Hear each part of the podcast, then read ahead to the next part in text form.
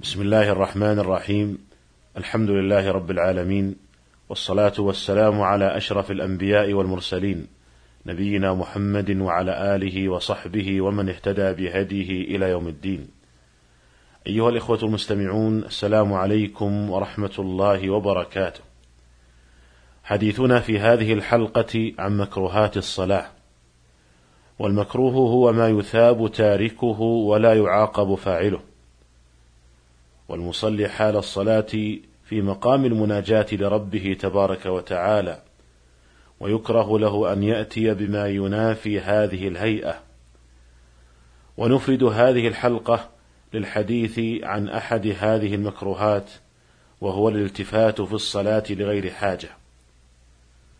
فقد جاء في صحيح البخاري عن عائشة رضي الله عنها قالت: سألت رسول الله صلى الله عليه وسلم عن الالتفات في الصلاة، فقال هو اختلاس يختلسه الشيطان من صلاة العبد. والاختلاس افتعال من الخلسة. قال الحافظ ابن حجر رحمه الله: المختلس هو الذي يخطف من غيره غلبة ويهرب. ولو مع معاينة المالك له وأما الناهب فهو الذي يأخذ بقوة والسارق يأخذ في خفية. فلما كان الشيطان قد يشغل المصلي عن صلاته بالالتفات إلى شيء ما أشبه المختلس. وقال الطيبي سمي اختلاسا تصويرا لقبح تلك الفعلة بالمختلس لأن المصلي يقبل عليه الرب عز وجل. والشيطان مرتصد له ينتظر فوات ذلك عليه. فإذا التفت اغتنم الشيطان الفرصة فسلبه تلك الحالة. والالتفات في الصلاة لغير حاجة حركة لا مبرر لها. والأصل كراهة الحركات في الصلاة. وهذا الالتفات غاية ما يقال فيه أنه مكروه لا تبطل به الصلاة. قال الموفق بن قدام رحمه الله لا تبطل الصلاة بالالتفات إلا أن يستدير عن القبلة بجملته أو يستدبرها. قال ابن عبد البر جمهور الفقهاء على أن الالتفات لا يفسد الصلاة إذا كان يسيرا. وهذا كله إذا كان الالتفات لغير حاجة. أما إذا كان الالتفات لحاجة فلا يكره. ويدل لذلك أن النبي صلى الله عليه وسلم أرسل يوم حنين عينا تترقب العدو.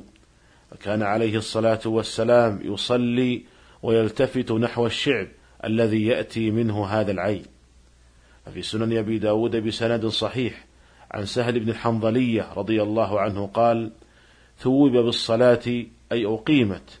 فجعل رسول الله صلى الله عليه وسلم يصلي وهو يلتفت إلى الشعب.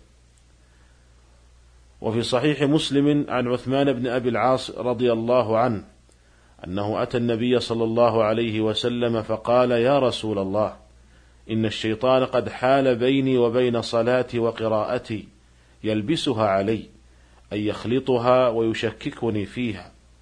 فقال رسول الله صلى الله عليه وسلم ذاك شيطان يقال له خنزب فإذا أحسسته فتعوذ بالله منه واتفل على يسارك ثلاثا قال ففعلت ذلك فأذهبه الله عني. أيها الإخوة المستمعون وهذا الذي قد اشتكى منه عثمان بن أبي العاص رضي الله عنه من تسلط الشيطان عليه أثناء الصلاة بالوساوس والتلبيس يشتكي منه كثير من الناس. وقد أرشد النبي صلى الله عليه وسلم إلى العلاج الذي يحكي عثمان رضي الله عنه بأنه قد جربه فزالت عنه تلك الوساوس وأذهبها الله عنه. وهذا العلاج هو ما جاء في قوله عليه الصلاة والسلام فإذا أحسسته فتعوذ بالله منه واتفل على يسارك ثلاثا. فيقول المصلي الذي أحس بتسلط الشيطان عليه بالوساوس يقول أعوذ بالله من الشيطان الرجيم. ويدفل عن يساره ثلاثا. وهو عندما يدفل عن يساره سوف يلتفت. وهذا الالتفات لا بأس به إذ أنه كما سبق التفات لحاجة. سواء كان في القيام أو في الركوع أو في الجلوس أو في أي موضع من مواضع صلاته. ولكن إذا كان الإنسان يصلي في جماعة فربما إذا التفت عن يساره وتفل يساء به الظن وحينئذ قد يقال إنه يكتفي بالاستعاذة في هذه الحال. ومن الالتفات لحاجة أن تصلي المرأة وعندها صبيها وتخشى عليه فلا بأس أن تلتفت عليه أثناء صلاتها لملاحظته. أيها الإخوة المستمعون وإذا كان التفات البصر لغير حاجة منهيا عنه في الصلاة فإن هناك التفات من نوع آخر وهو التفات القلب عن الله عز وجل. قال ابن القيم رحمه الله الالتفات المنهي عنه في الصلاة قسمان. أحدهما التفات القلب عن الله عز وجل إلى غير الله تعالى. الثاني التفات البصر وكلاهما منهي عنه. ولا يزال الله مقبلا على عبده ما دام العبد مقبلا على صلاته فإذا التفت بقلبه أو بصره أعرض الله تعالى عنه. ومثل من يلتفت في صلاته ببصره أو بقلبه كمثل رجل قد استدعاه السلطان فأوقفه بين يديه وأقبل يناديه ويخاطبه وهو في خلال ذلك يلتفت عن السلطان يمينا وشمالا. وقد انصرف قلبه عن السلطان فلا يفهم ما يخاطبه به لأن قلبه ليس حاضرا معه. فما ظن هذا الرجل أن يفعل به السلطان؟ أفليس أقل المراتب في حقه أن ينصرف من بين يديه ممقوتا مبعدا قد سقط من عينيه؟ فهذا المصلي لا يستوي والحاضر القلب المقبل على الله تعالى في صلاته. الذي قد أشعر قلبه عظمة من هو واقف بين يديه فامتلأ قلبه من هيبته وذلت عنقه له واستحيا من ربه أن يقبل على غيره أو يلتفت عنه. وبين صلاتيهما كما قال حسان بن عطية إن الرجلين ليكونان في الصلاة الواحدة وإنما بينهما في الفضل كما بين السماء والأرض. وذلك أن أحدهما مقبل على الله عز وجل والآخر ساه غافل.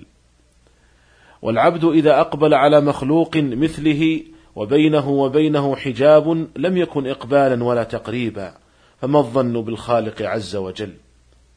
فإذا أقبل على الخالق عز وجل وبينه وبينه حجاب الشهوات والوساوس والنفس مشغوفة بها ملأى منها فكيف يكون ذلك إقبالا؟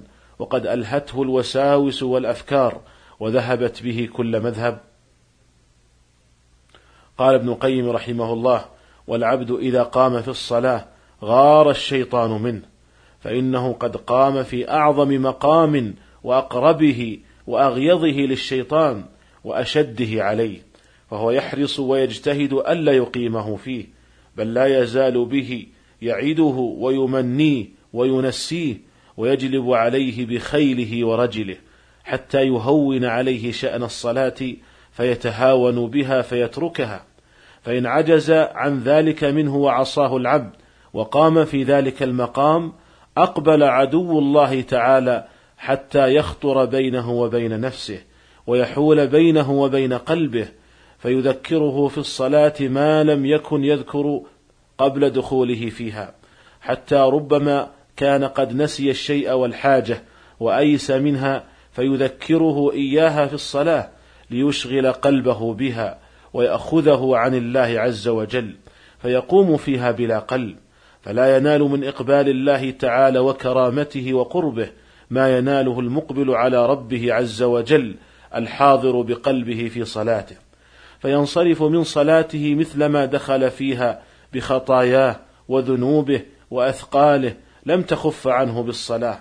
فإن الصلاة إنما تكفر سيئات من أدى حقها وأكمل خشوعها ووقف بين يدي الله تعالى بقلبه فهذا إذا انصرف منها وجد خفة من نفسه وأحس بأثقال قد وضعت عنه فوجد نشاطا وراحة وروحا فهو يستريح بالصلاة لا منها. كما كان النبي صلى الله عليه وسلم يقول يا بلال أرحنا بالصلاة ولم يقل أرحنا منها. وكان يقول جعلت قرة عيني بالصلاة. قال ابن القيم رحمه الله فعلى العبد أن يفرغ قلبه لله تعالى في الصلاة وأن يستفرغ جهده في إقباله فيها على الله وجمع قلبه عليها وإيقاعها على أحسن الوجوه وأكملها ظاهرا وباطنا. فإن الصلاة لها ظاهر وباطن فظاهرها الأفعال المشاهدة والأقوال المسموعة وباطنها الخشوع والمراقبة وتفريغ القلب لله والإقبال على الله تعالى فيها بحيث لا يلتفت قلبه عنه إلى غيره. فهذا بمنزلة الروح لها والأفعال بمنزلة البدن. فإذا خلت من الروح كانت كبدن لا روح فيه أفلا يستحي العبد أن يواجه سيده بمثل ذلك؟ أسأل الله تعالى أن يوفقنا لإقامة الصلاة كما يحب ويرضى وأن يرزقنا الخشوع فيها وأن يجعلنا ممن قال فيهم قد أفلح المؤمنون الذين هم في صلاتهم خاشعون. وإلى الملتقى في الحلقة القادمة إن شاء الله تعالى. والسلام عليكم ورحمة الله وبركاته.